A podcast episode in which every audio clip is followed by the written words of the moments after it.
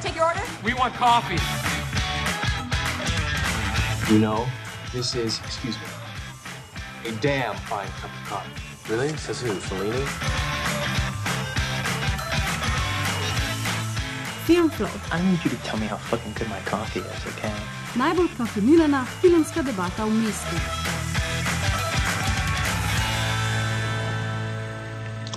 I delegated my friend Tom to get information and introduce me, without knowing what kind of fish I might find. Imaginary families, I love you.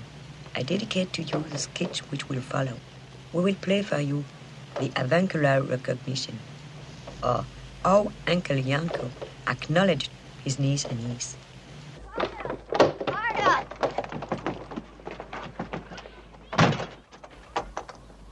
Monsieur Varda? Oui, Uh, I'm bringing someone who would like to meet you. Uh, it's Agnes Varda. Agnes. Yes. Agnes. Is she the daughter of Eugène? Je ne sais pas. Vous êtes la fille d'Eugène Varda? Oui, oui, c'est moi. You are the daughter of Eugène Varda? Yes, yeah. Is he Cory to Evgeniu Varda? Scene C8, take two. Uh, is he Cory to, to Varda? To Evgeniu? Nee. Sound. Vous êtes la fille. Scene Vous êtes C8. the daughter of Eugène Varda?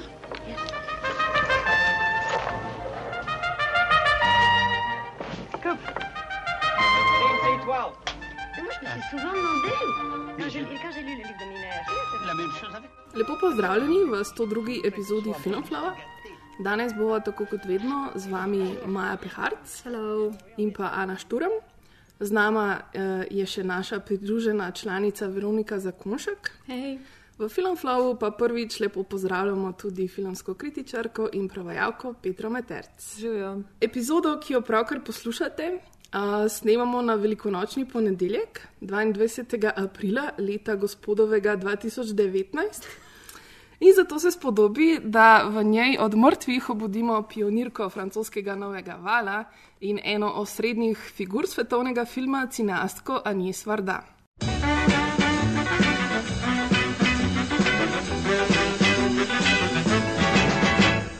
J'ai du talent, il est fort galant. Mon corps insolent, le pouvait aimant. Mon corps précieux et capricieux. Agnes Varda je živela več življenj. Kot fotografinja, kot režiserka, kot vizualna umetnica, zadnja leta pa tudi kot instagramerka. Je otroško radovedna humanistka, vesela feministka in jezna aktivistka, ljubiteljica mačk, serije punce in krompirja v obliki srca. I understood that reference. 30. maja letos bi bila stara 91 let, vendar je zaradi bolezni umrla 30. marca v svojem 90. letu starosti. In zato današnjo oddajo tako v celoti posvečamo Anjes Varda in njenemu res navdihujočemu življenju in delu. Anjes Varda se je rodila leta 1928 v belgijskem mestu Arles kot Arlet Varda. Ko je bila stara 18 let, se je preimenovala v Anjes. Med drugo svetovno vojno je njena družina emigrirala v Francijo. Živeli so na jadrnici v pristaniškem ribiškem mestu Set, v kraju, ki je v bistvu res zelo močno zaznamoval tudi njen filmski prvenec, kratka konica, La Pointe Court iz leta 1954. Le pont de la Victoire, tournant. Vers le pont Tivoli, le vent. Et les deux ponts où passent les trains près de la Pointe Courte.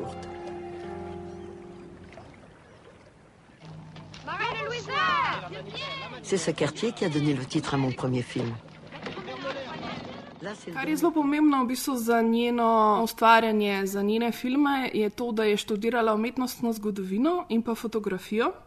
In da je svojo kariero v bistvu začela kot uradna fotografinja igralca Žana Vilarja um, in gledališča, v katerem je on deloval. In the BFI program, they wrote the godmother of the new wave, but they called me the grandmother of the new wave, which is more funny. I started actually some years, five years before what came the real spring of French cinema with Abu Tsouf, the Godard, the 400 coups de Truffaut. Then, you know, came these films. V bistvu njen celovečerni prvenc, kratka konica, že omenjeni, velja za prvi film francoskega Novega Vala, enega od najpomembnejših films, filmskih gibanj v zgodovini sedme umetnosti. Um, in ta film v bistvu že takoj na začetku njene kariere vzpostavil tri ključne elemente njenega ustvarjanja. Prvi je humanizem. Recimo ta film je v bistvu začela snemati, ker um, je snemala um, ta kraj, La Pointe Court, za enega svojega prijatelja, ki je um, umiral in mu je na ta način v bistvu um, prinesla podobe tega mesta. Potem njen izjemen občutek za estetiko. Tukaj v tem filmu res zelo do izraza pride njena dokumentarna fotografija in pa seveda mešanje dokumentarne forme in igrane forme. Film na nek način, v filmu se prepletata dve zgodbi. Ena je zgodba tega mesta, to je dokumentarni del, potem pa fiktivna zgodba um, enega para, um, ki se nekako um, oba dva ta dela se skozi film mešata. Kaj pa mačke? A mačke pa še ne? Tudi mačke so že um, del tega um, začetnega filma in opusa in tudi kasneje igrajo full velik um, del. Mm. Parda je bila res zelo pomemben del francoskega novega vala, o čemer nam bo mal več povedala tudi Veronika, ampak jo to gibanje ni zares definiralo. Že od samega začetka je bila povsem uh, samosvoja umetnica, kar je opazno tudi v njenih dveh zgodnjih uspešnicah. To je v filmih Klijo od petih do sedmih in pa Sreča. Njo dostkrat opisuje kot babico ali mamo francoskega novega vala, kar je meni tako mal smešen naziv, ker je spet ta neka ne vem, pač mama, spet je neka mati. Oh. Ne, ne ja. vem, nekako se mi zdi, da jo degradirajo s tem, ja. v bistvu je bila začetnica, ja, pionirka. Bistvu, ja, pionirka. Mm, um, tako da mi gre ta naz naziv, mi je tako mal. Nesimpatičen. Najbrž bi šel tudi ne, oziroma je šel tudi ne. Si predstavljam, da če ja. je do to rekel, je bila tako, ah, how about no? Ja, ker ja. v bistvu je tako ena 4-5 let, preden so Godard in Truffaut začeli snemati njihove filme, ki so danes tako asociirani s francoskim novim valom. Ona je že počela isto stvar z istimi yeah. Ja. tehnikami, isto montažo, snemanjem na, na lokaciji, te zadeve. Tako da, um, ja, rečemo ji pač pionirka francoskega novega vala. Um, tako da, ja, nje sicer ni definiralo to gibanje, ampak recimo, da klejo uh, od petih do sedmih, da je vse en tak tipičen film francoskega novega vala, um, za katerega je rabila od prvenca sedem let, da ga je posnela, mm. vmes je delala neke kratke filmčke, ampak kljub temu, da je bil kritiško zelo dobro sprejet, finančno ni bil ok porabila je ogromno svojega denarja, ker seveda ni dobila državne, državnega financiranja za njega, ker je bila čist brez izkušenj in brez neke filmske izobrazbe za sabo. Um, tako da bi najbrž tudi ni pomagala, da je bila ženska, vidimo vse glih to reči. Absolutno. Ja, mislim, da je to vedno tudi kasneje uh, govorila, ker nikoli zares ni imela dovolj denarja za snemati filme. Ne? Tako da je vedno, ki je dobila kakšno nagrado, je bila pol. A mi lahko nehate dajati nagrade, dajte mi raj ja. denar, da lahko snimam svoje filme. Évidemment, il faudrait un peu de sentiment et je me demande. Je t'interdis. Toutes portes ouvertes.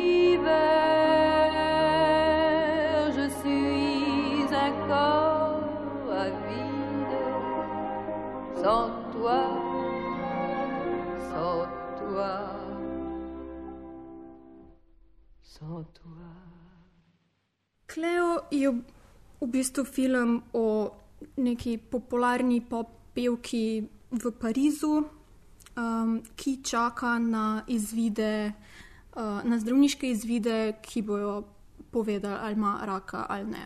Torej, če rabi kemoterapijo, če bo umrla.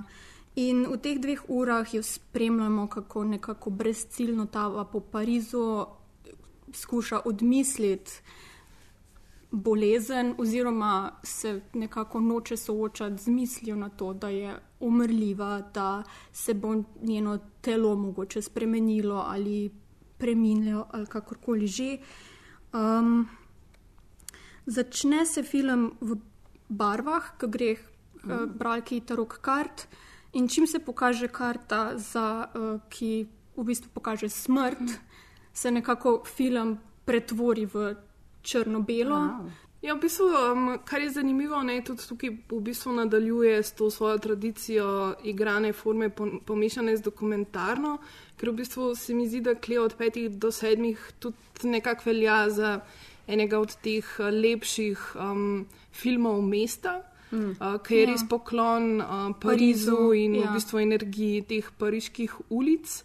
Um, in res je super ta način, na katerega Anjes uh, tudi um, uporablja, ne, zna uporabljati te dokumentarne posnetke v, v svojih filmih. Recimo prav iz tega uh, se spomnim tega prizora uh, s tem gospodom na ulici, ki je žabene.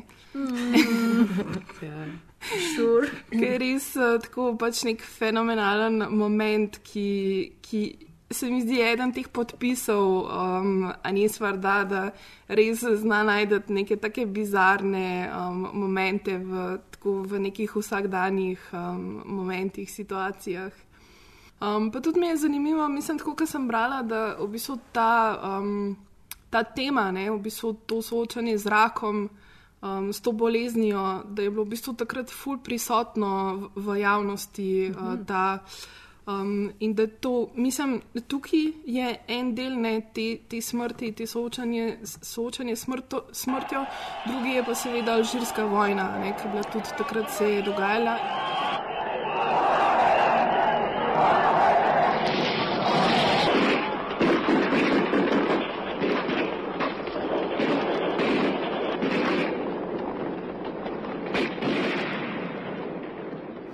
Politika je zelo skozi nek podton, kon, konstantno. In recimo, ko ona sedi v kafeju, slišiš za sosednjo mizo, da so to debate, in ko se vklopi radio, je to debata. In potem, ko v parku sreča uh, nekega vojaka, ki je v bistvu samo začasno prišel nazaj v Pariz, je takoj debata na alžirsko right. vojno in na, na to, kako tam ljudje v bistvu za brez veze um, umirajo. Yeah. Mm. Tako da je to je konstantno je prepleteno in že tukaj nekako začrta tudi, o tem bo tako Petra več povedala, njeno neko politično angažiranost. Mm. Ja.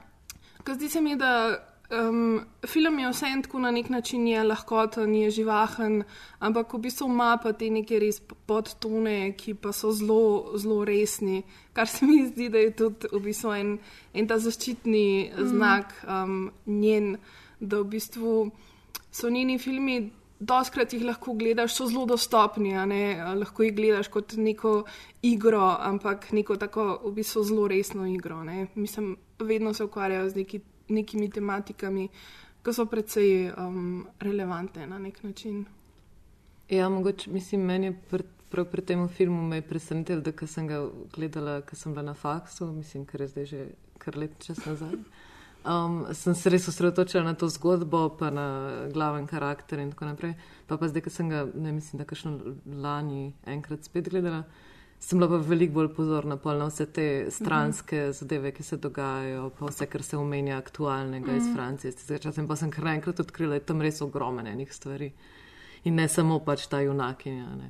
Um, tako da to me je kar presenetilo. Ta, mm, mm. Začneš, mislim, ker poznaš zgodbo, pa si bolj pozoren na te neke, tudi na tega žabo, pa si kar tako. Ja, jaz, jaz tudi mislim, da Prvič sem ga gledala zelo zgodaj na faksu, brez kakršnega koli predznanja o filmih, res na, na random, ko mm. pač odkrivaš neke nove stvari. In Ne vem, če sem ga čist poštekala in tudi, kot sem brala, so ga takrat feministke dost narobe razumele. Um, Ah. ker, ker gre za dost neko tako plitko, superficial punco, to right. pop pevko, ki je obsedena s svojim videzom, lepoto, mladostjo, konstantno gleda svoje odseve v ogledalih in v šipah, eh, izložbah in tako naprej. Ko, ko se sooča s tem, amara ali ne, Right. si gre kupiti nov klobuk, ker pač to, to te bo razveselilo. Kao. Ampak v bistvu je to njen način, kako. Um, ne vem, neko subverzira to Ja. ja. debato. Pač ona je nau, naučena tega, da, da jo vsi gle, gledajo glede na to, kako izgleda in vrednotijo glede na to, kako izgleda. Ona je pač prevzela to identiteto, mm. ampak se skozi film, se mi zdi, da nekako zraste kot oseba um, in se nauči pač vrednotiti drugače. Ja. Mm. Pa tudi je v bistvu to, kar si zdaj govorila, ko je ona obsedena s tem svojim zunanjim videzom, ne, pa tudi drugi jo pač skozi to vidijo, vse je ona pop pevka, ne, je neka znana oseba. Ampak po drugi strani pa v bistvu nosi eno zelo um, težko, pa temačno stvar vse, pa ne, ker ne ve, ali je zdaj bolana ali ni. In dr- tega pa res ljudje ne vidijo. Ne? Ja, in tudi tistim, ki pove, je ne jemljajo resno. Češ, Ja. mlada si, lepa si, kaj si Ja. sekiraš. Ja. Pač vse bo v redu, na način pač te, ti ne smeš Ja, imeti ti ne takih smeš resnih jamrati. problemov Ja, ja. in ti jih niti ne priznamo. Ja. Tudi če jih imaš, ker si pač to, pa to, pa to v naših očeh. A lahko ganem, da se film tako konča, da v bistvu ne izvemo za njeno diagnozo? Cool. Ja, ja, ker je to se čuti, da je take vrste film, da ti je pa v bistvu ugotoviš na koncu. It doesn't really matter, Ja. kaj se Mm. In kaj je tudi- njena diagnoza. Ne vem, všeč mi je, kako se igra s temi pogledi, kako jo folk gleda, ampak hkrati pač ne vidimo, kako gleda njo.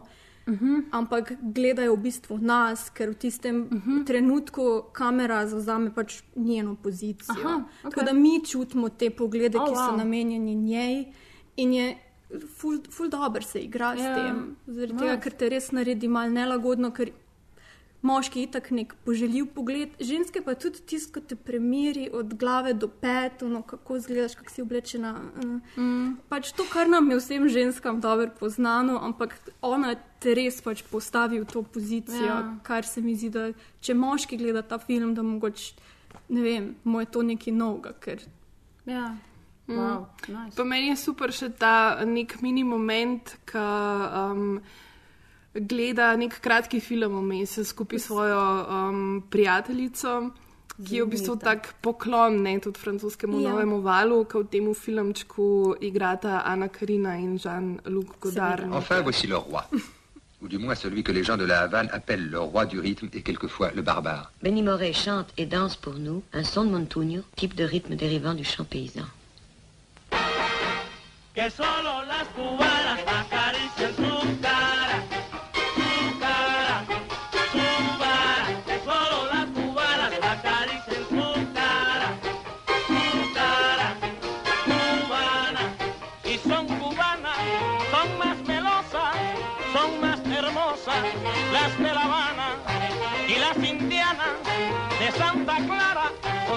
preciosas y no son tan caras. Que solo las cubanas acaricien tu cara, que solo las cubanas acaricien tu V tem obdobju je nastal še en njen pomemben film in sicer Sreča, ki je precej drugačen od tega, ampak mogoče bi se um, na kratko ustavili še pri enem njenem res genialnem kratkem filmu uh, z naslovom Poklon Kubi, ki ga je pa posnela, ko je šla na obisk na Kubo leta 1963. Um, in je tudi v bistvu tako formalno, precej uh, nenavaden filmček, pa se mi zdi, um, da si zasluži vsaj omembo. Ja, uh, tu gre za super polurni filmček, uh, v katerem v bistvu ne 1500 fotografij spoji skupaj v nek animiran dokumentarc, že skoraj, kjer s fotografijami, s fotografijami v bistvu ustvari neko gibljivo sliko. um, in predstavi Kubo, kot je ona videla. videla takrat, ja. v bistvu zelo kmalo po Kastrovi revoluciji, ja. ko je bilo še vse zelo sveže. Ona, itak kot levičarka, je opazna, da je zelo naklonjena temu režimu mm. in Kastru. Um, in v bistvu tako zelo lušno predstavi njihovo kulturo, uh, glasbo, umetnost, uh, njihove glavne slikarje, mm. recimo ples. Um, res tako lušna predstavitev um, Kube, uh, kjer pač ona ima voice-over naracijo in igralec Mišel Piccoli.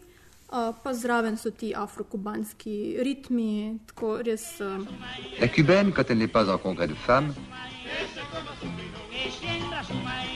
quand elle n'est pas un corps diplomatique, c'est un corps mélodique.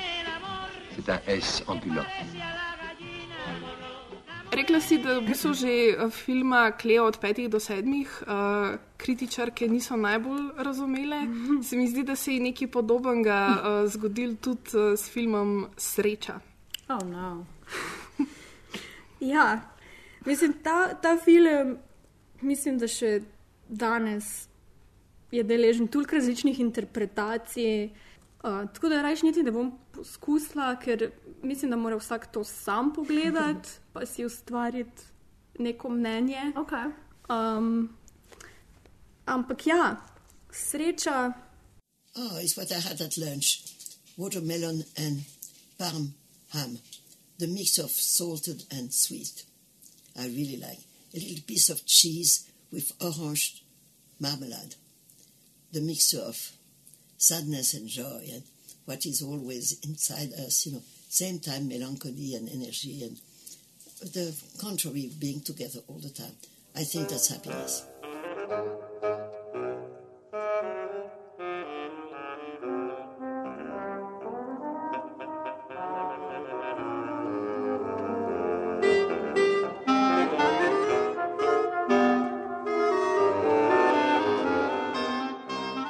V bistvu, tako kot že pri njenem prvencu, je spet v ospredju nek poročen par, v tem primeru neka že tako skoraj kičasto, idilična družinica iz nekega malega mesteca, malo ven iz Pariza. Um, to je barven film in tle pač pridejo prvič res do izraza njene barve, ki so res, res izrazite, žive, ti barvni kontrasti, s, s tem je res znala. Um, tako da, ja, začne se zelo idilično, Mozartova glasba v zadju, vse je tako picture perfect. Dokler se mož ne spozna okay. um, druge ženske. In že tle se spet ta njena forma, kako se igra, takrat, ko se nekako že odloči, da bo to žensko povabil na prvi dejt, so kratko nek random posnetek leva v živalskem vrtu, res tako pač, kot da gre zdaj plenit. Um, Okay. in ja, uh, začne se ta afera z drugo žensko, in ko ga žena vpraša, kako to, da je za zadnje čase še bolj srečen kot ponavadi, je on seveda zelo odkrit, kot nekdo, ki pravi, da ne laže. In ji pove, da pač že Okej, ima ja. to afero en mesec in da on ima tu ljubezni in sreče in to je za vse, da ja, pač se razdaja s tem. Um, žena je tako iz prve, aha, ok, ampak potem, ko zaspita, odide in jo najdejo v, v bližnji reki, utopljeno. ne. Um, na kar on tako zelo brezbrižno nadaljuje svoje življenje, seveda ljubica nadomesti ženo in pač ta krok je sklenjen. Oziroma se ponovno lahko začne. ja. Confirming once again, men are kings. Ja, mislim, to je res definitivno ful zanimiv uh, film za interpretirati. Um, tudi jaz ne vem, če bi se podala, zdaj v to. Mi je bilo pa zanimivo, ker je v bistvu, mislim, da je Anjes uh, sama rekla, da je treba do tega filma pristopiti s precej humorja, no? uh, s Ah. precej um, neke. Um, tako no, da, da je bolj um, nekako se hecala iz enih določenih stvari. Predvsem pa se mi zdi iz tega, da moški mislijo, da je res v redu, da tako skačejo iz uh, postelje v posteljo in se mi zdi to popolnoma um, v redu in neproblematično. Um, mislim, kar mene, pač meni ta film predvsem uh, očaral vizualno, ker res um, s temi barvami in kompozicijami in drevesi in rožami. Rože, ja. Mislim, res je tok pač samo bogat vizualno, da uh, ga je fantastično gledati. Tudi posnetje v bistvu um, v neki tej pokrajini, uh, Ilde uh, France, kjer so v bistvu ustvarjali tudi zelo veliki impresionisti. Uh, tako da se tudi na njih deloma um, referira v teh prelepih um, po, pač posnetkih pokrajin in cvetlic in vsega. Uh, tako da je res, mislim, meni je to tako ena taka vizualna pač paša za oči. Zraven pa je še zelo en tak eh, zanimiv filozofski razmislek o Sreči. sreči. wow, nice. Um, Petra, imaš ti še kaj mogoče? S- s- s- Sreča mene z- je zmedla čisto. Oh, wow, okej. Mislim, ne zmedla, ne vem.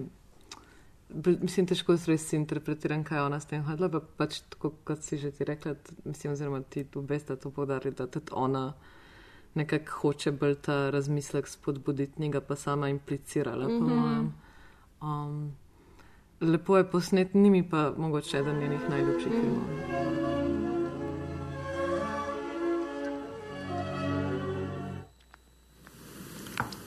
Il était malade, il restait beaucoup à la maison. Allez, maintenant, hop, laisse-moi écrire. Et il écrivait ses souvenirs d'enfance dans le garage à Nantes, où il avait vécu en famille. Il me faisait lire ses pages le soir. Un jour, j'ai dit, c'est vraiment une enfance intéressante, ça ferait un très beau film. Il a dit, mais je n'ai pas la force de le faire. Fais-le, toi. Tako v bistvu v, v času te ustvarjalne energije, ki, je na ulice Pariza, ki jo je na ulice Pariza naplavil francoski novi val, je Agnes Varda leta um, 58 na festivalu v uh, Tourusu spoznala tudi svojega partnerja, Žaka Demija, uh, s katerim je v bistvu potem ostala vse do njegove uh, smrti. Uh, Demi je leta 1990 umrl za AIDS-om. In Varda je v bistvu o njem posnela kar dva dokumentarca, mogoče bolj znan od dveh je Žak iz Nantesa iz leta 91, se pa on a, tudi pojavi še v dveh a, drugih njenih filmih. Um, je pa zanimivo, ker v bistvu tudi Demi je zelo pomemben predstavnik francoskega novega vala. Um, zaslovel je s filmom Lola. Iz leta, to je film iz leta 61, za katerega je glasbo napisal uh, sloviti Mišel Legrand, uh, s katerim je v bistvu Demi tudi kasneje sodeloval pri dveh svojih najpomembnejših in tudi najbolj znanih filmih. Uh, to sta res uh, krasnja, krasna muzik, muzikla.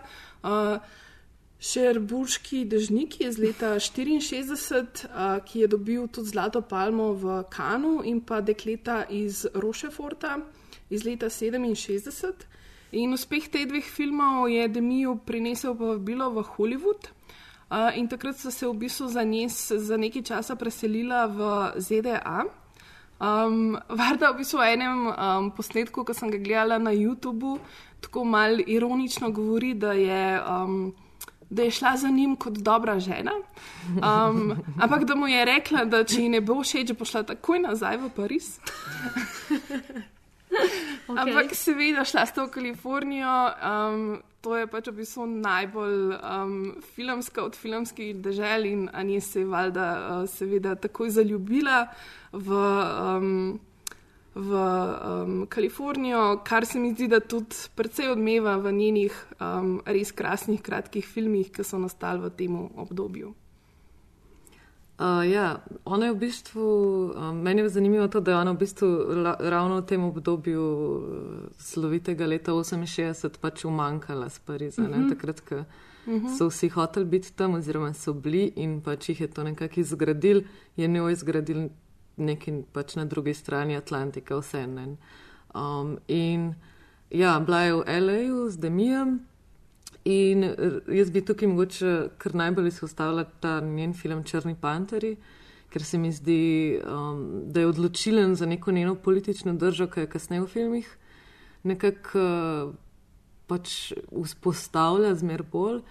To je nek začetek, se mi zdi, no, te njene, um, tega, kako se postavlja v neko to politično perspektivo, sploh v dokumentarnih filmih. The Oakland police, well known for its brutality, never misses the chance to harass the Black Panthers, to search them, to trap them, to enter their houses without warrants, and even to shoot them. They killed Brother Bobby Hutton, shot Brother Eldridge Cleveland, shot Brother Warren Wells, arrested Brother David Hilliard, our national captain of the Black Panther Party.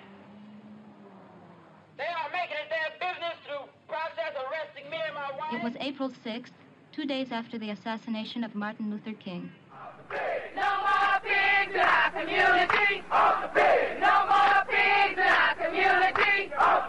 No more pigs in our community. Brala sem, da si je na Berkeleyju sposodila od študentov kamero in je šla snemati v bistvu pač te črne panterje, ker jo je to zanimalo. Um, v tem zadnjem filmu, zdaj, ki je bil na Berlinalu v februarju, rekla, da se je, ponavad, da se je tem črnim panterjem kar predstavlja vedno, kot da je iz francoske televizije. In pa se je pač to njim zdelo pač pomembno in so bili zato ok, a ne ker snemi. In to se je zdelo tako full hilarious in ona je pač tako, haha, uh, ratel mi je. Mm, ja, in ona v bistvu ta poluren dokumentarc uh, je, je eden od um, prvih, se mi zdi, narejenih uh, o črnih panterjih, pa tudi eden od prvih nekih teh filmskih izdelkov, ki je prišel potem v Evropo in je pač mal ta glas ponesel. Um, čeprav najprej je bila neka cenzura v Franciji, ampak to Mhm. mogoče pol. Um, gre pa za to, da je ona v bistvu, mislim, posnela je uh, njihove demonstracije, ker je snemala jih v času, ko je bil Huey P. Newton v zaporu zaradi domnevnega umora policista, za katerega ni bilo toliko dokazov, kot bi. Mm, se sposo- se spodobilo. se spodobilo Ja. ja. In potem je snemala te proteste in neko telo, to celo um, gibansko strukturo uh, na teh pač demonstracijah se je tako v tem filmu potem se pač vidi tudi vse ostalo, no, malo to, kako se sploh gradi gibanje. Um, pač kaže, vem, od tega, kako tam pojejo, plešejo, kako so otroci tam, um, kako se izobražujejo, berejo neke manifeste. Torej, Cel spektr. Cel spektr, ja, ki se vse dogaja na teh demonstracijah. Ne, torej, in, in že s tem, ker se osredotoča na zelo veliko teh stvari, se meni zdi, da ona zelo lepo pokaže neko kompleksnost pač Mhm. tega gibanja. Um, hkrati se pa res osredotoča tako zelo subjektivno. Um, na čiste ne take podrobnosti, ki se njej zdijo zanimive. Ne vem, pač otroke, ful snema, um, sploh to petje, tudi uh, se mi zdi, da se zelo, ki se kaj takega dogaja, takoj tam. Jaz sem si vse čas predstavljala, to moram reči, tako pač kako ta neka. Majhna francozinja, bela, pač taka, ki je, ki je en pač karakter iz stripa, pač tako cute. Kako ona pač tam tako s to, s to neko kamero, pač med vsemi temi demonstranti, vsi ful politično. Ona pa full happy, tako s kamero. Vsi so kako, fuck the power, ona pa tako. Ja, ja pač predstavljala sem si, da pač je bilo pač čist hudo Ja. ja. to snemati in biti tam in to se tudi zelo čuti. Mislim, tudi ta pogled je izjemno subjektiven, mm. pa naklonjen temu gibanju, um, zaradi česa so jo seveda tudi kritizirali zelo hiter. Um, je pa pač par stvari, se mogoče samo za izpostaviti. Uh, ona se mi zdi vse, čeprav je to res kratek film, res par močnih poudarkov naredi. Eden je to, da, da, da um, naredi intervju z Newtonom um, in ga pokaže v zelo neki taki človeški drži. Um, z njim tudi se pogovarja o nekih čist političnih zadevah in on izpostavi takrat, da je njihovo gibanje um, v bistvu povezano z nekimi um, gibanji za osvoboditev izpod kolonialnih pač gospodarjev in to naveže pač na, na neke te itak, uh, v tistem času zadeve, ki so se dogajale v Afriki mm. in drugot. In s tem se mi zdi tudi uh, ona tako nekako približa ta njihov boj, oziroma ga da v nek širši svetovni kontekst, mm. zelo hiter, um, kar je bilo zelo pomembno. Hkrati pa sem brala tudi v enem intervjuju danes, da v bistvu, um, ko je Newton njej razlagal o, o tem. Um, O tem pač njihovi splošni neki, ne vem, ideologiji, kako so si jo zastavili, kako so si to gibanje zastavili. Um, je njo navdihnilo to, da so oni rekli, da pač že, že pač vse te teorije, ne, od Marksa do ne vem koga, ampak oni si vseeno ustvarjajo iz vsega tega neko svojo Mhm. teorijo in um, v bistvu vse čas poudarjajo, da, da bodo oni sami sebi um, ustvarjali neko, mislim, neko ideologijo. Ja. Ja. seveda, ampak ona je pač potem rekla, da je v bistvu to njo zelo navdahnilo tudi za um, neko njeno dojemanje feminističnega boja Mhm. uh -huh. in ženske pozicije. In, in pol v tem intervjuju reče, da pač črni panterji so rekli, pač, ne, mi bomo pač postavili sebi pravila in svojo teorijo. In da je ona potem takrat tudi začela razmišljati, da pač vsa ta neka in marksistična gibanja in tako naprej sicer pač nekaj dajo, ampak pač se ji zdi, da pač kot eh, ženske in feministke pač rabimo, oziroma ona je pač rekla, ja, da, se, da, se, da se naredi neka lastna teorija, Ja. ja. oziroma da nek svoj boj Ja. ja. vzpostaviš in je to zelo. Se mi zdijo takrat navdahano, cel ta bojno. Ja. Uh, mogoče, ja, veliko je bilo kritik, na- da je da pač ona pač subjektivna in da je ful pač itak um, na njihovi strani. Uh, meni osebno je pač to v bistvu zelo ok, ker, ker to počne iskreno, Mm. ker tega ne skriva, Mm. ker to ni neka zakrita propaganda. Ja. Ampak ona vse čas nekako. Uh, Ti njo vse čas čutiš, s tem, kako se kamera premika, uh, vse čas se zavedaš, da je to ona tam, da je navdušena nad stvarmi, ki jih sliši.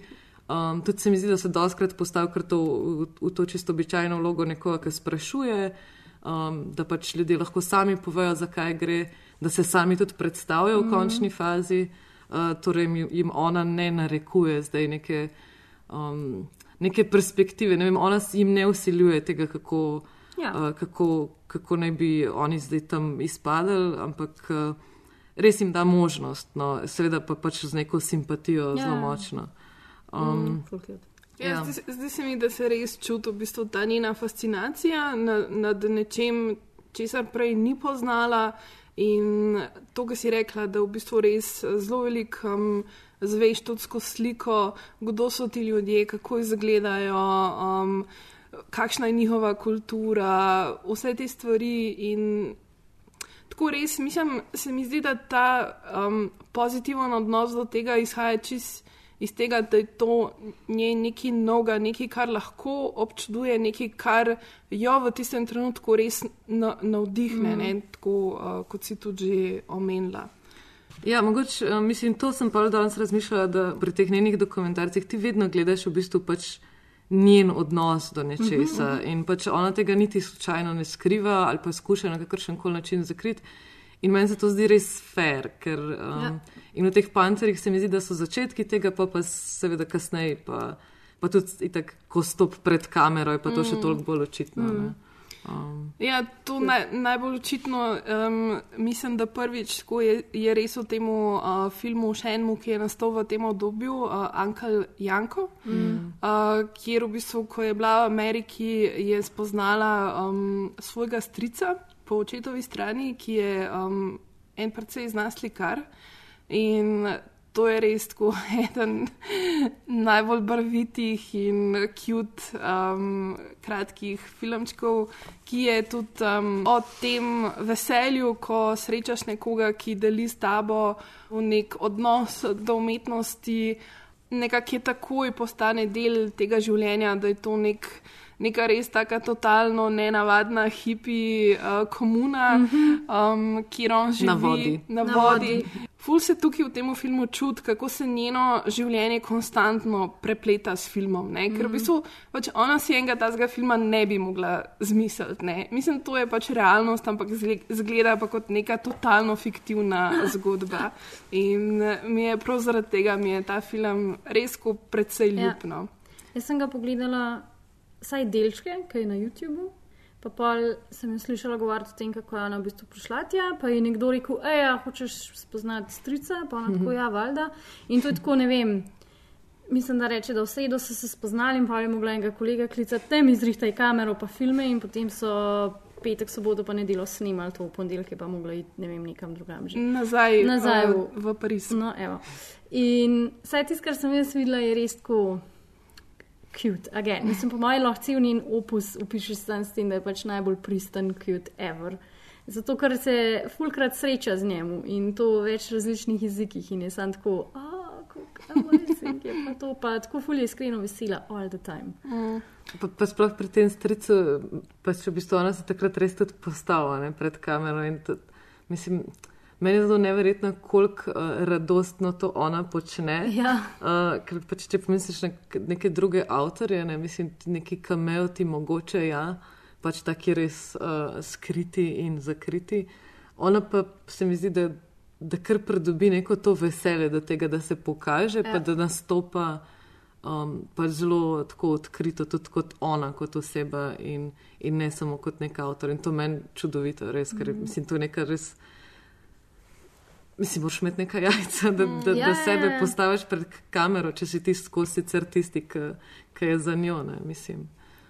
Ja, mislim, da je to eden tudi um, bolj pomembnih elementov v bistvu njega opusa, to, da njo res konstantno zelo čutiš v vseh njenih delih in v tistih, ki so fikcijski in seveda v dokumentarnih, v katerih v enih je prisotna, v drugih ni.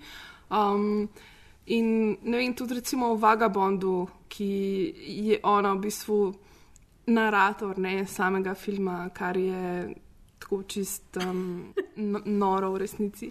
Um, v bistvu, ko se je vrnila iz, um, iz Amerike, uh, je uh, to, pač o čemer si ti že Petra govorila, no, da se je v bistvu um, zelo tudi uh, vključila v razna feministična gibanja. Um, bila je recimo podpisnica manifesta žensk, uh, ki so naredile splav.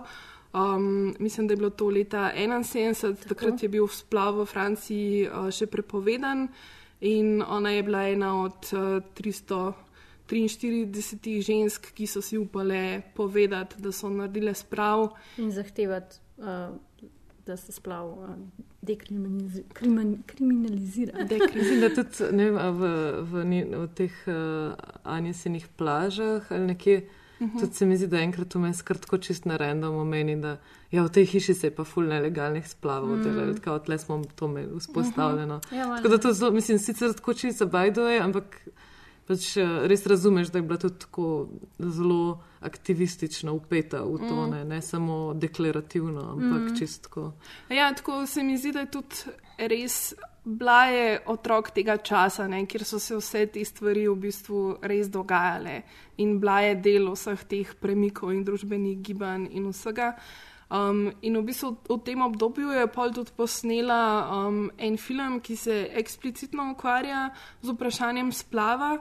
Um, in to je film Ena poje, druga ne iz leta 77 o prijateljstvu dveh žensk, um, ki jih nekako spremlja tako v nekem obdobju desetih let.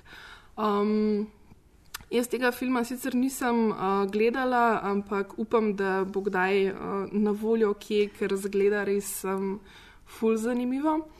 Um, potem je v bistvu po njeni vrnitvi uh, iz ZDA nastal še neki zanimivi dokumentarcev, med njimi Moral Moral in pa Dagerotipi.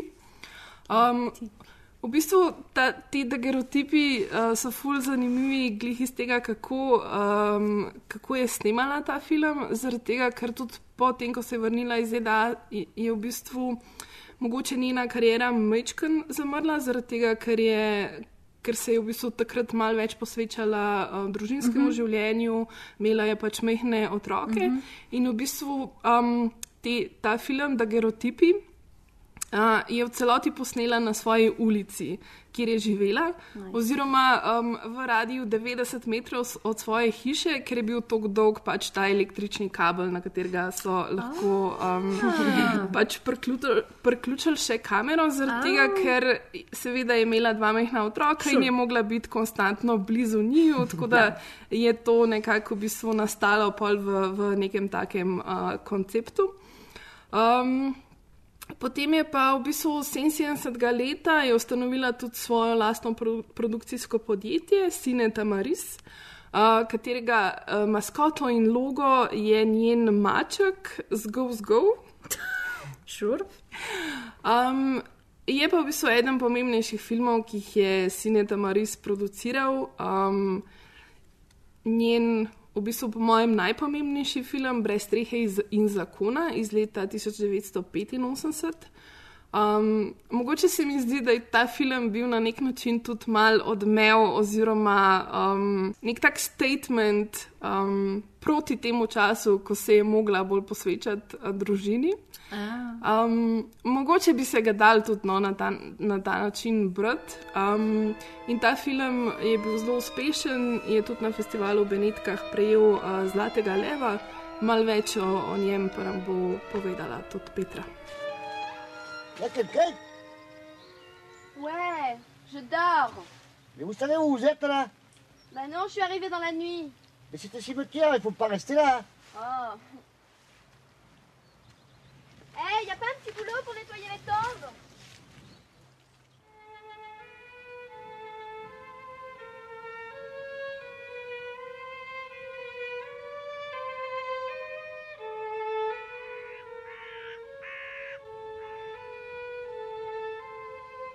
V bistvu to bil njen komercialno najbolj uspešen film, kar me je kar presenetilo.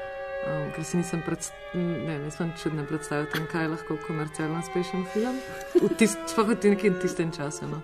Um, ampak je bilo pa tako, da še preden je šla v Benetke, mislim, da tako noben, um, da v Franciji nihče ni želel odkupiti pravic za ta uh Mhm. -huh. film.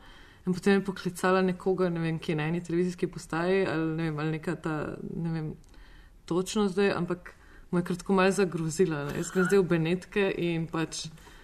A boste zdaj to kupili ali ne, ker sicer bo šejm. Um, in pa so to odkupili, vse na neki. Um, in pa še v Benetki ni dobila zlatega leva, ker je meni tako kar čudovito. Um, pa ni imela dost sredstev tudi za ta film Mm. posnet, v bistvu. ker Se mi zdi, da je v, v letih predtem je tudi imela dosti težav s financiranjem. No. Ja. Um, ja, ta film je v bistvu um, se začne s tem, da se prikaže pač. Uh, glavno junakinjo, uh, Mono, uh, mrtvo v Jarku. In cool. s tem se film začne, tako malo Twin Peaks, ampak sploh ne.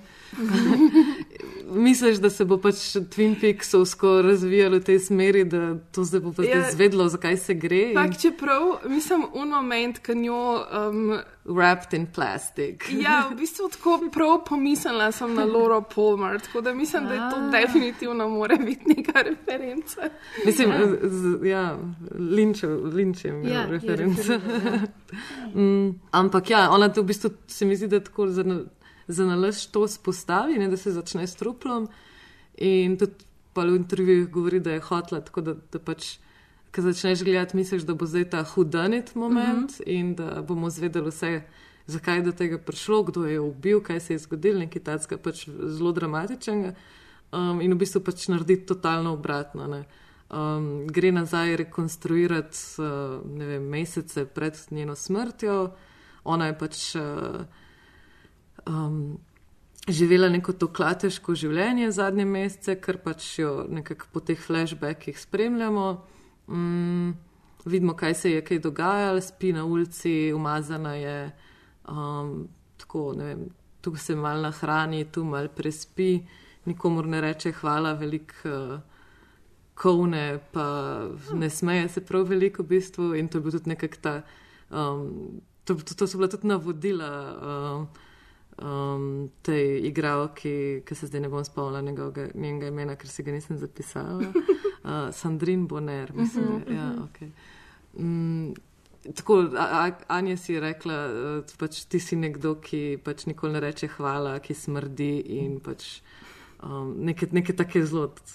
Napotke, kakšna mora biti. Um, ker je bilo pač za tisti čas vse nekaj zelo nepredstavljivega, mm. se mi zdi, da postaviš tako enakinjo uh, v spredje filma. No, in potem so pač, uh, in potem ta film v bistvu so neka pričevanja ljudi, ki so s njo bili v komunikaciji oziroma se jo srečali na poti in naredijo na nek ta twist, da te ljudje kar gledajo v kamero in na nek ta poldokumentaren Oh, wow. način razlagajo v njej in kaj si oni v njej mislijo, in kako se jo srečajo, ali pač neke te spomine brskajo. Um, s tem, da oni ne vejo, da je ona umrla. Mm Mhm. -hmm. v bistvu samo, oni samo komentirajo na to pač neko klateško punco, ki je šla pač Ja. mimo v določenem trenutku in To je Wow. to, zraven pa Anja so ugotovila, da rab še nek ta.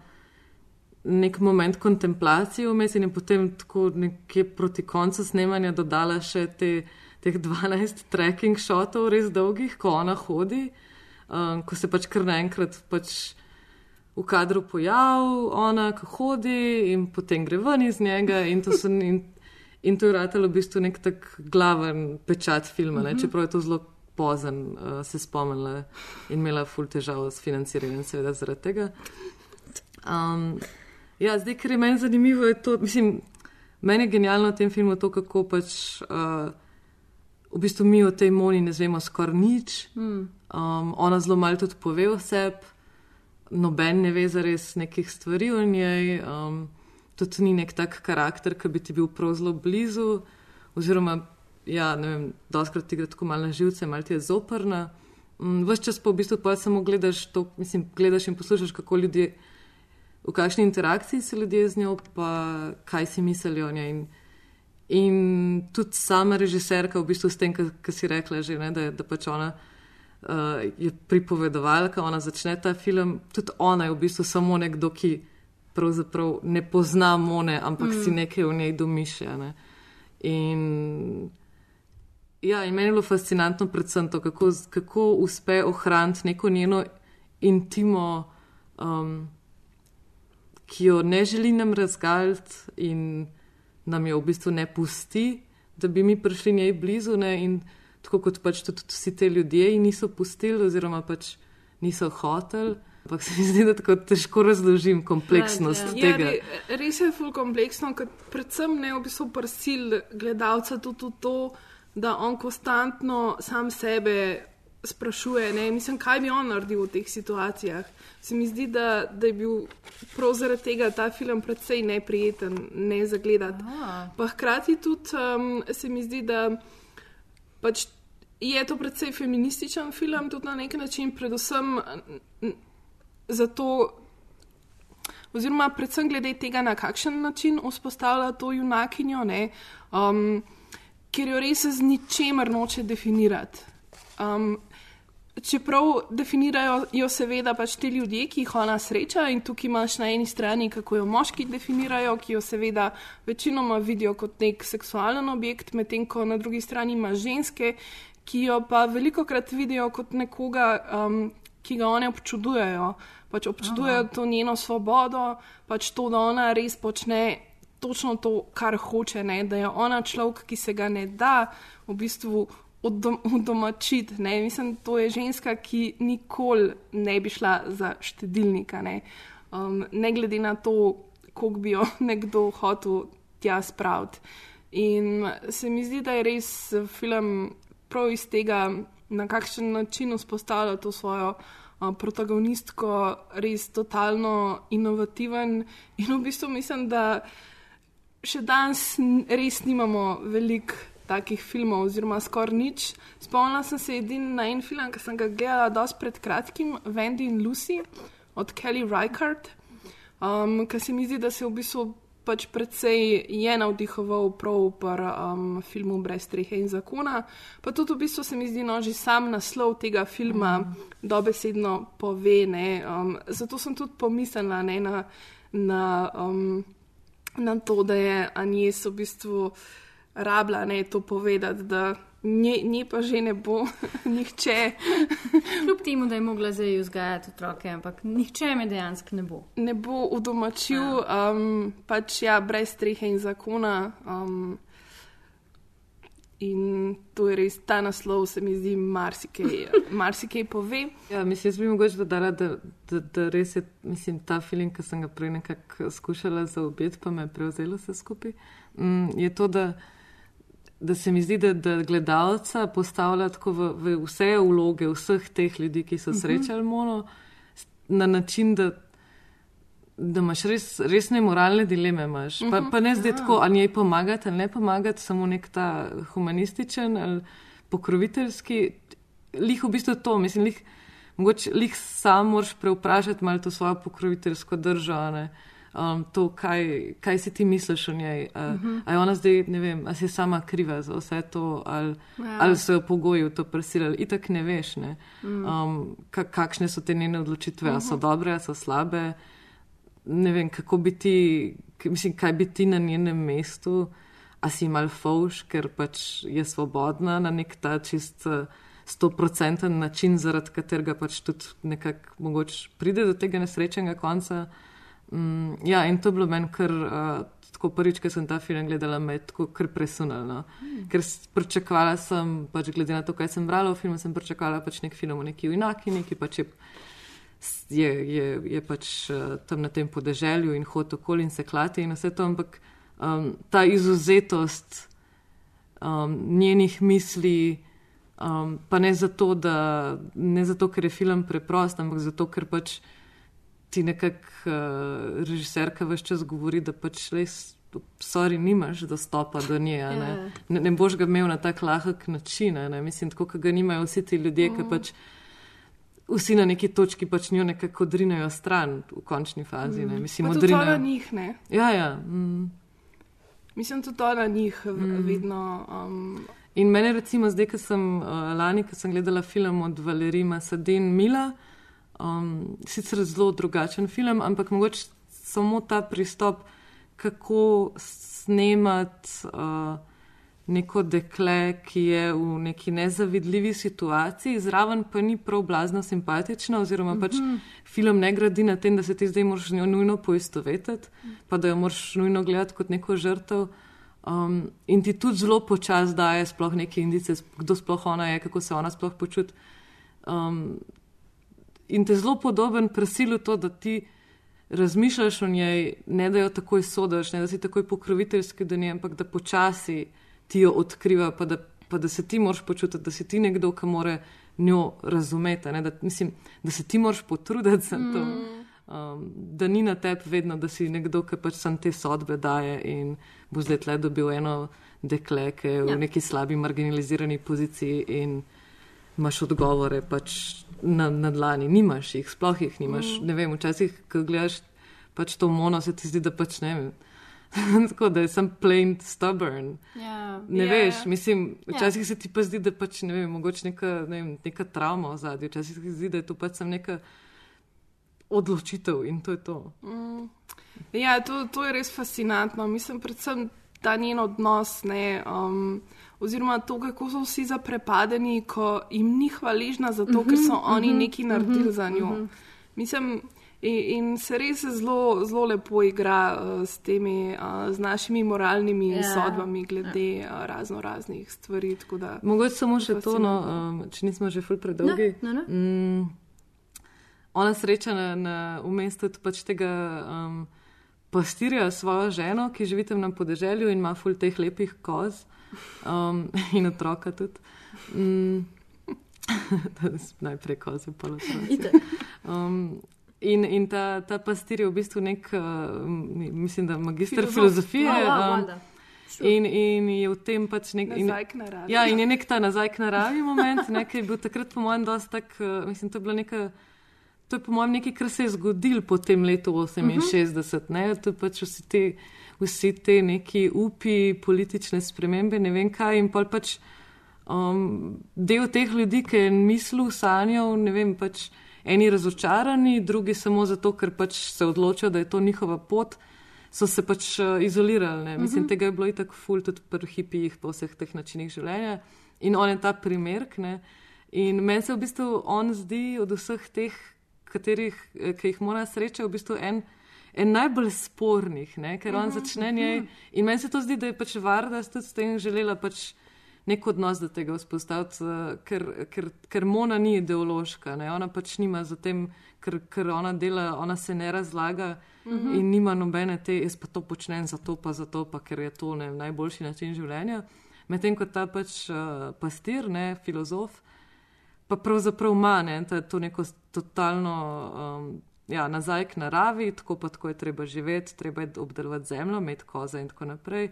živeti v osami. In na neki točki on tudi pač pridete v nek konflikt, ker on jej ponudi pač zemljo, ker ona izraste na neki točki, da bi mogoče sadila krompir.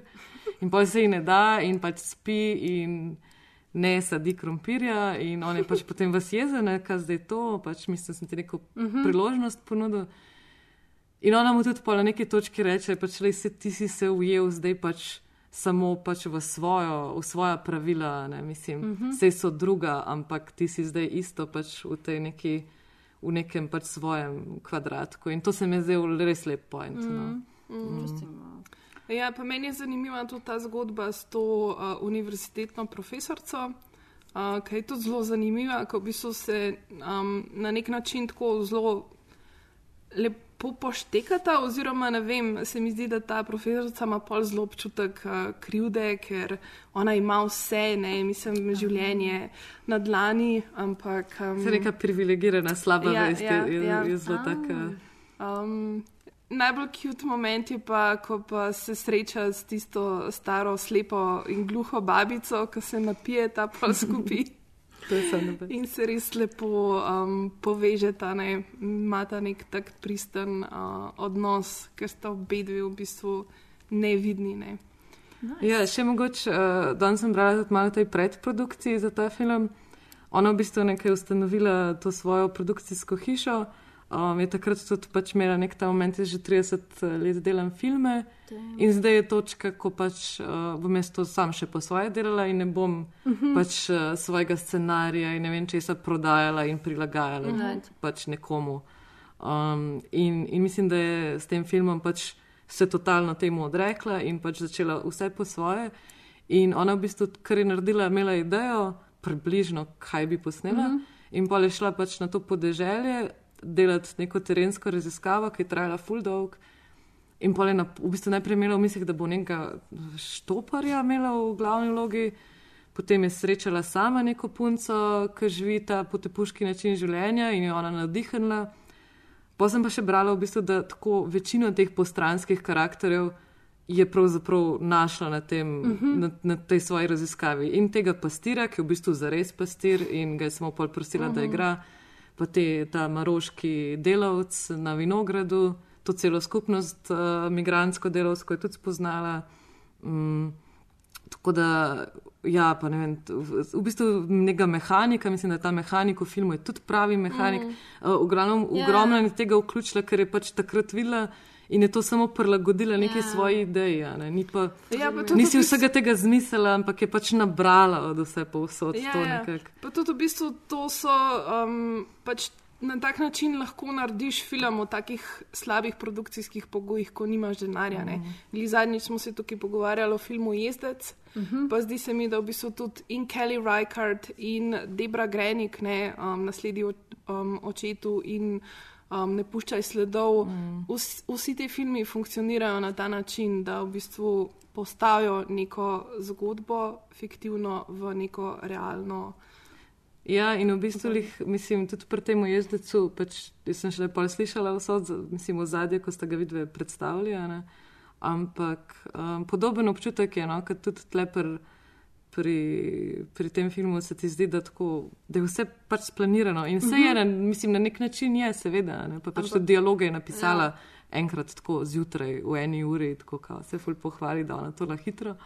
Uh, ampak um, ne vem, ta nabor teh karakterjev je tako raznolik, pa tako. Ne vem, pač, ko to gledaš, ne moreš pač ti, ker oh, to pa zih ona nekaj, veš, mislim, da so to kar neki naturščiki, pa da je to kar ona nekaj pobrala. Mislim, tako. Ja, Zgleda preveč umleteno, pa preveč, preveč naključno, da bi bilo dejansko. Mislim, naključno, tako predstavlja res širok nabor v bistvu mm. nekih situacij. a Ne? Mislim, da te migranski delavci, ki jih mm. izpostavil, um, ogromno enih teh situacij, ne? pa ta, ta ženska, ki, ki skrbi za to starejšo gospo, pa, pa nek njen stragel s tem, da je skrbnica, pa preživlja fanta. Ja, uh, tako da um, brez strehe in zakona je res bil v bistvu en tak um, high point njene kariere do, do tistega časa. Se mi pa zdi, da pa v bistvu nek tak naslednji večji preskok v njenem ustvarjanju se je pa zgodil na prelomu tisočletja in sicer v filmu Paberkovalci in Paberkovalka. The, Gl- the Gleaners and I, fakt slovenski prevodi.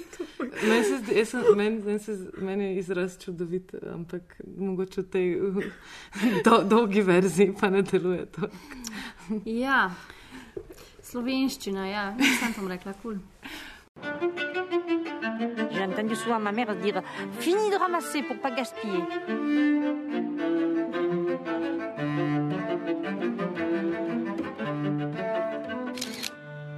Il y aura au moins 10 tonnes qu'on ne va pas ramasser. Elles sont impropres à la consommation. Tout le monde jette, c'est vraiment débile, quoi. V tem filmu nam Anies predstavlja pobiralce odsluženih vrtnin ali zavrženih predmetov. Um, in sicer tako, da jih postavi v nekakšen kontekst likovne umetnosti, pa tudi um, prvič uh, se mi zdi, začne nekako reflektirati nazaj na, na svoj lasten filmski opus. Um, in v bistvu uh, pri tem filmu je zanimivo tudi to, da je prvi film, ki ga je uh, sama posnela z digitalno kamero. Uh, in Which je, is so cute.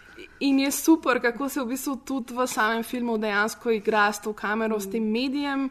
Um, ker recimo v enem prizoru v bistvu pač pozabi uh, ugasniti kamero, in, in potem v bistvu dobimo v filmu posnetek, kako ona hodi in v bistvu ta pokrovček od kamere se pozibava tam pred nami. In se mi zdi fascinantno. In ona reče, to je pa zdaj ples pokrovčka. ples pokrovčka, da, ja. da se je v bistvu odločila to vključiti v, v svoj film. Pa tudi, recimo, ne vem, ker digitalna kamera, ne, um, tukaj mogoče slike niso več tako lepe, kot so v bistvu v filmih, ki jih je snemala dejansko na filmski trak, ampak.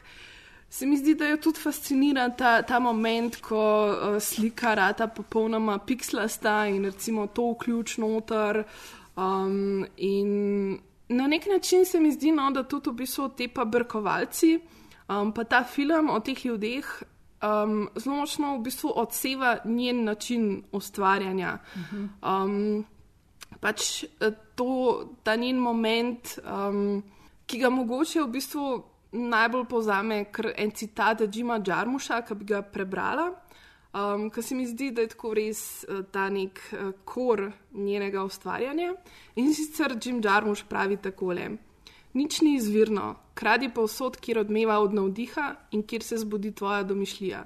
Pobiraj iz starih filmov, novih filmov, glasbe, knjig, slik, fotografij, pesmi, sanj, na ključnih pomenkov arhitekture, mostov, uličnih izveskov, dreves, oblakov, vodnih teles, svetlobe in sence. Ko kradeš, izbiraj stvari, ki neposredno nagovarjajo tvojo dušo. Tako bo tvoje delo in kraja pristno. In Zdi se mi, da ena stvar, ki eh, je Anjes v eh, filmu uh, The Gleaners and I um, najbolj fascinirala in navdihnila, so bili krompiri v obliki srca, um, ki so jo v bistvu pripeljali tudi do njene prve večje instalacije. In sicer na, je bilo to na Beneškem bienalu leta 2003. Ko je v paviljonu poimenovanem Potatopija razstavljala 700 kg krompirja, in um, na svojo razstavo je vabila preoblečena v krompir. Ja, jaz mislim, da mi vsi bi mogli biti sam skozi ona. Mi vse v bistvu. Ja, Ja, She's mislim, my kind of lady, a ne? Tudi, tudi v tem zadnjem filmu zdaj. Uh, mislim, tako, se mi zdi, da v tem zadnjem filmu tako zelo, zelo, zelo govori o sebi, tako te, te lepe spomine in, in se ful muza, ne, tako Ja, sama sebi. In ja. ja. reče, when I came dressed as a potato. Ne sem tako, veš, how awesome was I, ne, mislim, čisto. Well, she was, she definitely was. Sem čutiš to v glasu. V bistvu v tem filmu začne res prvič tako totalno reflektirati svoje življenje, svojo umetnost, um, vse to. In um, dejansko je ona skozi šest, 60 let ustvarjanja preizkušala različne pripovedne strategije, eksperimentirala z različnimi formami, presegala žanrske konvencije. Um, nekako je brisala meje med fikcijo in dokumentarcem, med črno-belo tehniko in barvami, med filmom in umetnostjo. Um, tako kot prav tudi sama, radovedna sem pika. Vse Mhm. me zanima realno življenje, izmišljeno življenje, predmeti, rože, mačke, predvsem pa ljudje.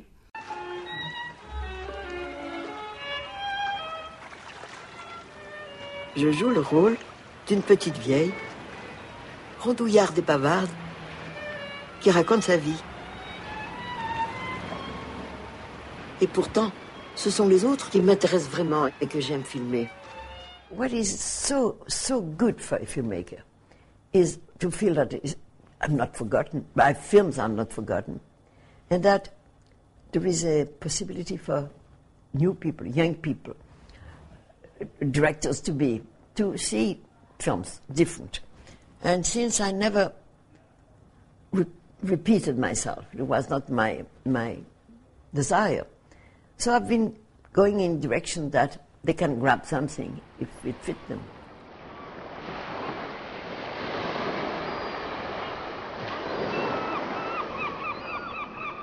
Mislim, da je še en tak eh, res um, svojevrsten dokument, ki je nekako izoblikovan iz prepleta teh fiktivnih podob in um, avtoričinega, sproščenega, ampak res zelo razigranega po pogleda na življenje.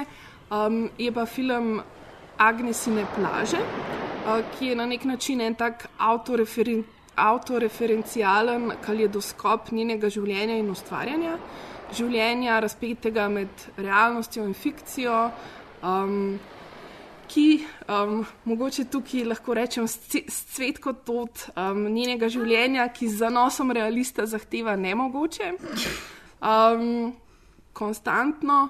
In tudi v Anjesinih plažah nam na nek način uh, svojo zgodbo nelinearno pripoveduje, tako res mimo grede ali je zleknjena v trebuh ogromnega kita, ki ga je v njeni domišljiji naplavilo na obalo, um, ali razmišlja znotraj prostora, ki je dejansko obdan s stenami iz filmskega traku. Um, Ali medtem, ko spretno manevrira svoj majhen modri avto, narejen iz kartona, um, ko ne vem, svojo pisarno preseli na mestno plažo. Um, Si naredi plažo pred hišo. Mm. Skratka, res, mislim, njeni filmi so res kolaži um, vsega mogočega, pač njenih spominov, um, njenih ljubezni, um, različnih umetnosti, v bistvu vseh teh stvari, ki jo navdihujejo um, in ki ji nekaj pomenijo v življenju. In je res vedno znova jih je totalno zabavno gledati. Uh, tudi v Anisinih plažah se je pojavil uh, animiran lik Krisa Markerja, ki je um, en tak zelo um, ogromen oranžen maček, s katerim pol ona uh, polemizira in filozofira.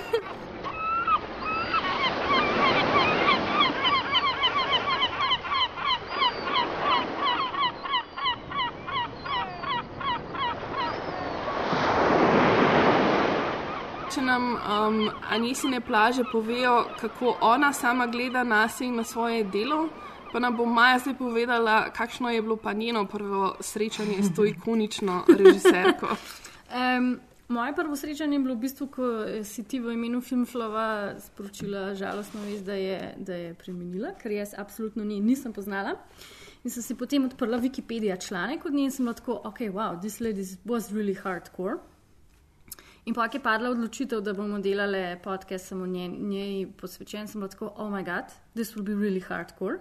In potem mi je Ana določila Places Faces oziroma Vizaž Vilaž. Obrazi placi, po slovenski. Jaz bi to prevedla obrazi, pla, obrazi placi, ne prostori, placi. Um, ko eh, sem mi določila ta film, sem tako, oh, ok, dobro, fajn, sem jaz šla to pogledati, pričakova, pričakovala sem neki heavy. Zato, Ja, v bistvu pač... originalen slovenski naslov je o ljudeh in vaseh. Oziroma obrazi placi. Pač boljši prevod, kljub. Um, ker pač absolutno nisem vedela, kaj pričakovati. In ko en tak nub, kot sem jaz prebere, da je ona uh, mati uh, francoskega novega gvala, sem tako, oh moj bog, ok. Ampak je to sam najbolj cute film na svetu, ever. In tako jaz sem jo kala že po 15 minutah not v film in I'm not even kidding. Moi j'ai 33 ans. Et toi, je dirais plutôt que tu as 88 printemps. Truc rigolo, c'est qu'on va faire un film ensemble. Bah ouais, c'est ça le point de départ. Če ne poznate nič o Ani Svarda, pa si pogledajte ta film, pa boste videli o njej vse, kar se, kar se da videti. Kdo je ona kot človek, kdo je ona kot umetnica, kdo je ona kot filozofinja, kdo je ona, pika. V tem filmu se skupaj z um, J.R.jem, niti približno ne bom probala francosko izgovoriti teh dveh črk, um, podata na popotovanje po uh, francoskih obrazih in uh, placih. Uh, hodite naokol po francoskem podeželju in fotkate ljudi. Uh, J.R. je basically francoski Banksy, sam mal bolj kul cool, kot dejanski Banksy, zato ker noben sploh ne ve, kako je njemu zares ime.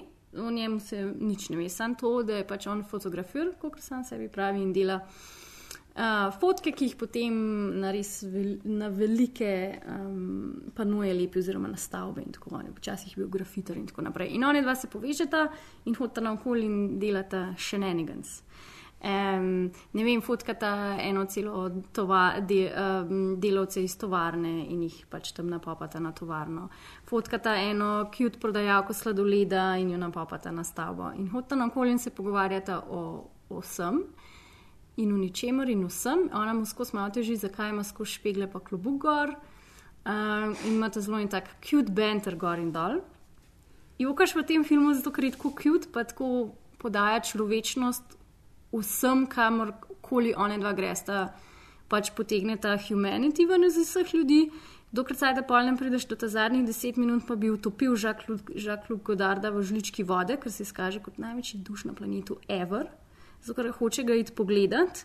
In pol pač Agnes Varna zajoka v filmu, in ki sem tako, zakaj mi je zdaj ta film zlomil srce, kaj je ona žalostna in pol še veš, da je umrla in si sem tako, no, this lady is too precious, why is she sad, to bi jo lahko poškodoval na ta način. Tu as pris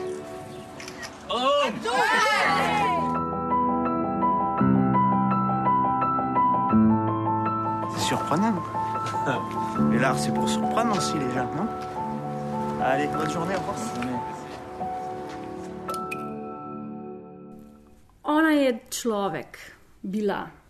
Jaz bi jo tako opisala, ker se res tudi to, kar ste vi opisali, da se skozi vsak njen film njo čuti in njena navdušenost in to, kar jo inspirira in pač njena pač res sem ta ljubezen do življenja in do vsega. Ona je tako snimala, ona je tako živela, jaz si je skoraj ne morem predstavljati drugače, kot te majhne stare ženice z belo glavo, pa pač uh, ob, ob, okol obrobljeno z vijolično. Tudi če je bila včasih mlada, pa je imela samo vijolične lise, kar si najbrž predstavljam, da je. Ona je bila res carica. And the world is a little more sad zdaj, kaj ni več. Da. Mm. Ja, v bistvu se mi zdi, da se v um, Faces Places nekako tudi um, spet vrne, um, oziroma vedno je delala filme o, o ljudeh na marginine. Vedno je posvečala ja. zelo veliko um, svoje pozornosti uh, ljudem, ki so deprivilegirani, Ja. ki, Ki so pozabljeni. uh, ki so pozabljeni, ki ne dobijo mogoče toliko. Um, Delavci. Um, Ja, to se mi kmetje. zdi, da um, Delavci. ona kmetje. dejansko gre v tovarno. No. Ja. Mislim, um, to se pa. pa In tam fotka. V pristanišče, kjer je pa pač um, sindikat pristaniških delavcev ja. zelo pomemben in znan. Ampak pofotka njihove žene. Pa pofotka njihove Mhm. uh -huh. žene, ker se ji zdi, da oni so pa že tako, tako uh, imajo neko prepoznavnost in, in jim da žene nad, uh, na fotkah, na te ogromne kontejnerje in je to tudi uh, ja. super. Ja. Mm. Ja, um, mislim, še en film, ki ga mislim, da lahko še um, ene dvakrat ujamete v kinodvoru, Definitivno uh, kar se hojdite. tudi zagotovo splača. Meni je bil sam super moment, um, ko sem videla v enem prizoru, ko JR fotka njene noge, mm. ki izgledajo kot te srčasti krompirji. Ja, ja. Ja. In mi je noro, kako se te krompirji konstantno Ja. ja. pojavljajo skozi njen opus. Ja. In se mi zdi, mislim, nekdo, ki premore toliko ljubezni za pač um, umazane, zgubane krompirje, Ja. potem premore res zelo veliko ljubezni za pač Vse ostalo. vse ostalo, Ja. ja. predvsem pa za, za ljudi. No. In se mi zdi, da tudi ta njen odnos da do ljudi um, v bistvu je ful pomagal ne, pri, njem, pri njenem ustvarjanju, ker se mi zdi, da so ljudje vedno bili tudi njej naklonjeni, da so se ji odprli, da je lahko v bistvu snemala o takih ljudeh filme. In tudi to je po svojem tak zelo um, fascinanten dosežek. No. Ja, mislim, meni se zdi, da, da, da pol, ko, ko, spo, mislim, ko gledaš filme take osebe, ki tako pristopa k stvari, se ti včasih, mislim, meni se včasih pa zdi, da, da sploh ne razumem, kako lahko kdorkoli sploh drugače pristopa k, uh Mhm. -huh. k snemanju filmov. Mislim, to je zdaj tako, tako ampak um, tako ja. se mi zdi, ker te ta način te to kar vzradosti, ko vidiš pač to. Um, pa ne sem zato, ker je zabavna. Ne? Tudi v teh filmih, kjer ni vse lepo in itak, kjer, kjer pač ljudje ta krompir pobirajo, ker, je, ker, ker, ker nimajo kaj jesti. ne. Ampak vse lih ta povezanost z ljudmi, to res ne, ne počne vsak na ta način. In to je meni zelo tako, zelo mi je tak nek groundwork, ki ga ona dela, oziroma ga je delala full ustrajno. Mm. In to res moraš ceniti. Ni, ona, ni, Mm. ona ni samo nek avtor nekje tam. Ona je pač res uh, to, to vse pač tako človeško pristopila. Ja. Mislim, mogoče se zdi samo umevno, sem res ni. Ne.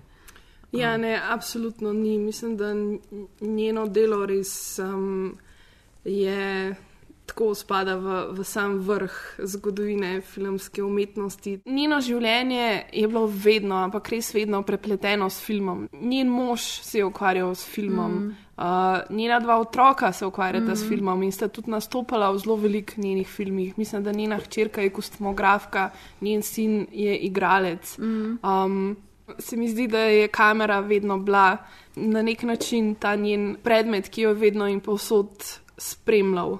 Um, tako bi so, je tudi sama rekla, živim v filmu, film je moj dom. It could be the end. I could be finished. Could be like going to retire, but it's not. I felt I should not retire. So what keeps me on? Uh, it's motivation, inspiration, desire of creating. Well, it hasn't stopped. So we don't know exactly because what I know is that desire is the essence of life. Inspiration is the essence of creating, of creation. V bistvu življenje in film sta jo inspirirala vse do zadnjega. V bistvu je še letos na festivalu v Berlinu mm. predstavila svoje novo a, delo, Varda o oziroma od Agnes. Um, Petra je bila na Berlinalu, mm. pa nam lahko mogoče iz prve roke malo pove, kako je bilo. Uh, ja, mislim, meni je veliko bolj kot mislim, film je uh, čudovit. Veliko bolj kot film je sicer navdušilo to, da sem jo lahko videla tam na konferenci in mi je bilo to tako, tak fan moment sem imela, ki jih imam v bistvu po mojem dosta redko. Mm, ampak ja, mislim, ta njen film je, je bil tudi je tako nekako predstavljen kot zadnji, uh, ne v smislu nekega grandioznega labodjega speva ali kaj takega, ampak uh, v bistvu nekako zastav, nek tak, uh, čeprav je rekla, da so vraži ta izraz masterclass na mm. filmu. Um, v bistvu iz nekih dveh njenih daljših pogovorov oziroma slash predavanj um, vzame izseke, ki jih potem kolažira z, z nekimi svojimi pogledi v to, kako je snemala filme. Torej, v tem, v tem filmu se ne osredotoča več toliko na osebno, kot se je mogoče prej, ampak zelo na to filmsko, kakšne fore pač je ona v filmih uporabila, kako je neki nastal in pa se temu smeje. In um, tudi govori o nekih filmih, ki so bili neuspešni, um, pa, pa se potem fulhihita, da pač kao se ni važen. Um, pa ima pa ta krompir vse čas. Mm. Um, v bistvu naredi en zelo lep uh, pogled v celo svojo filmsko kariero, full filmov izpostavi, neke načine snemanja, ki jih je odkrivala, poudari, kaj so bile ideje njene za film, nekako tudi predstavi to, kako si ona zamisel film, oziroma kako misli, da se moraš pač. Uh, Postaviti k filmu, če si režiser, v smislu, da pač si izbereš, uh, da moraš imeti nek uh, point of view, ki je dost ozek in pa pri vsakem filmu nekako skuša povedati, kak je, bil ta njen, kak je bila ta njena perspektiva, kako si jo je skušala zastaviti. Um, Mal se pogovarja z nekimi igravci, tako malo so ta srečevanja, itek spet. Mm, Malo so neke rekonstrukcije, pa dosta zabavne tega, kaj, kako so snemali, pa uh, vse to. V bistvu je pa pol na konferenci rekla, da, da pač uh, je stara 90 in da njej se ne da več skozi govoriti. In da se, oziroma se ji da govoriti, samo se ji da govoriti z ljudmi, ne bi pa več govorila o svojih filmih. In da tudi intervjujev ne bo več posebej dajala, da je pač tega nekako sita in da je ta film v bistvu namenjen temu, da tle imate, pogledajte si, ko boste mm. hoteli pač slišati vse te stvari. In tako nekako je zapakirala to v en tak. V bistvu je poskrbela sama za svojo zapuščino. Tako, ja, ne. ja. Mm. Mm. Pa še vedno poudarila pol na konferenci, da, da pač njo bolj zanimajo drugi ljudje, uh, ne ona sama. Rekla je tudi, da preden je bila stara 80, je bila pač imela neko to anksioznost pred starimi leti in, in pred ja, starostjo nasploh. In takrat je posnela pol te plaže ne, Mm. um, v nekem tem kreativnem strahu. In zdaj se pa prav, mislim, pri tem filmu pa pač tega strahu ni več. No. Mislim, Ja. ni to film, kjer ona razrešuje neke svoje soočene starosti, ampak je v bistvu samo totalno radostna, uh, sproščena, nima nekaj teh, uh, kaj zdaj je moj, moja karijera, kaj je moje življenje Mm. bilo. V bistvu, v bistvu je res tako, kot, kot da je pač nek priročnik nam mal dala, mm. no, Mm. tako, izvolite tle. Um, in to je bilo tako, da mislim tudi spolna konferencija je bila tako, pač, ja, ne vem, bodite radovedni, Mhm. imejte neko svojo perspektivo, skromni bodite, tako veseli bodite, take stvari. Mislim, um, pa so se seveda sprašvali tudi o feminizmu, pa pa je rekla, da. Mm, Da pač uh, lani, ko je bila ona tudi na tej rdeči preprogi v Kanu s uh, celo mitu, celo Ja. ja. zasedbo, um, da pač ja, po eni strani razume filmska industrija in da pač se absolutno strinja s tem, da bi ženske posod morali imeti več zastopanosti in tako naprej, ampak da vse je to mogoče za njo preveč šik. Mm. Mhm. Uh, protest, ne, in mislim, na tak lep način je povedala, da ona je pač zmer človek, ki, ki stoji z običajnimi ženskami, z delavci, Mm. mm. uh, k, za katero je protest stvar ulice in pač uh, nekaj tega bolj vsakdana. In, ampak zelo lepo to pove in pač itak. Mm. Ne vem, je tako blazno vljudna vse čas, pride noter na konferenco in reče, da če, če, če, če me poznate, če se poznamo, pa vas ne, ne prepoznam, jaz, jaz ne vidim dobro, tako da oprostite mi, tako, you're out of focus, but you're all beautiful. tako, um, To je tudi skozi Places Faces, skozi da ona ne vidi dobro in pa jo JR skozi malo prca, zakaj ne vidi Ja, dobro. pa ne, ne, pa ne. skozi, mislim, tudi v teh zadnjih dokumentarcih, mogoče to še tudi uh, vreden poudariti. Mm, se mi zdi, da že s temi glinersi, ne, uh, ona res se začne, začne se malo tudi na to svoje starajoče telo referirati, pa razmišljati ja. o tem mal, ne. Uh, tam v glinersih mislim, da ne vem, ali to reče, ali pa sem brala nekje, nekje da ona Ne, mislim, da to prav reče v tem filmu. Pač, da zdaj, ko imam digitalno kamero, lahko z eno roko snemam svojo staro roko, Mhm. pač svojo drugo Mhm. roko in pa jo ful snema in pa ima še te neke itek uh, fore, ko neke tovornjake lovi s temi prsti Ja, yeah, ja. svojimi. In pa mislim, da je to tudi v naslednjih filmih, to Ja. yeah. svojo kožo. Ja. Yeah. In pol tako, kot si ti rekla, ne, kot skozi ta krompir. V bistvu ta njena fascinacija, ki te ki pri glinersih pol te heart-shaped potatoes prinese domov in pol itak eventually they shrink. In je čisto navdušena, kako se pač oni tako luštno skrčijo in so vsi posušeni in majhni. In, in pa se mi zdi, da zelo podobno tudi včasih pristopa do te svoje postarane kože. Malo je čudno, malo, malo se smeje, pa tako ne. vem, Ja. Ja, mislim, meni se zdi fenomenalno, da je to naredila, da je res v bistvu pustila svoj um, masterclass oziroma pač um, kot v bistvu nek učbenik, priročnik za, za naslednje um, rodove. Uh, Ker se mi zdi, da um, kljub temu, da je ona res znana, um, je nekako v bistvu šele v zadnjih parih letih tako postala globalna Mm. zvezda na nek način in se mi zdi, da jo še vedno zelo veliko ljudi ne pozna, ne pozna njenih filmov. In mislim, tako ne morem vam dovolj priporočiti tega, da samo pejte gledati njene filme, ker so res polni navdiha, uh, polni so res zakon življenjskih modrosti in um, nekako uh, bi zaključila s tem, no, da v bistvu na začetku filma Agnesine plaže ona sama reče, da če odpreš ljudi, noter najdeš pokrajine, če pa odpreš njo, pa noter najdeš plaže.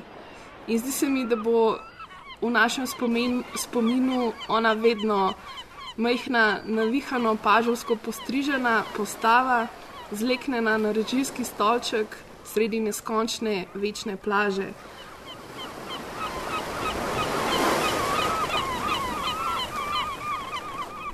I'm trying to be open. I'm trying to be listening. I'm trying to remain curious, which is good enough to occupy my life. Au revoir.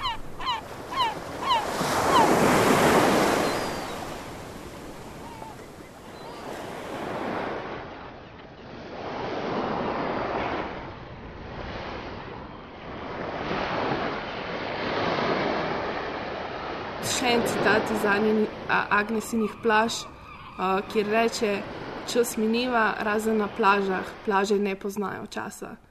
Tako da, če iščete Anjes, jo skoraj zagotovo najdete na plaži. Um, če pa iščete Oh, film moj bog, Flow- kakšen nevreten segway, Ana, to danes si pa on fire. Nas pa lahko najdejo. Na www.aparatus.js, www.filmflow.js, na Facebooku in na Twitteru smo um, filmflow.tm, na Instagramu pa filmflow podcast. Je, iz prve. Tako da, ja, keep in touch. Yes. Um, seveda pa še enkrat res lepo vabljeni na projekcijo filmov Vagabond 21. julija v Kinoteko in pa na projekcijo filma Sreča v soboto 22. junija, prav tako v Kinoteko. To je to, upam, da smo vam kaj zanimivega povedali o Anjes. Upam, da smo vas tudi navdušili za to, da boste pogledali kakšen njen film. Hvala vsem. See you out there. See you out there. Hvala za povabilo. Un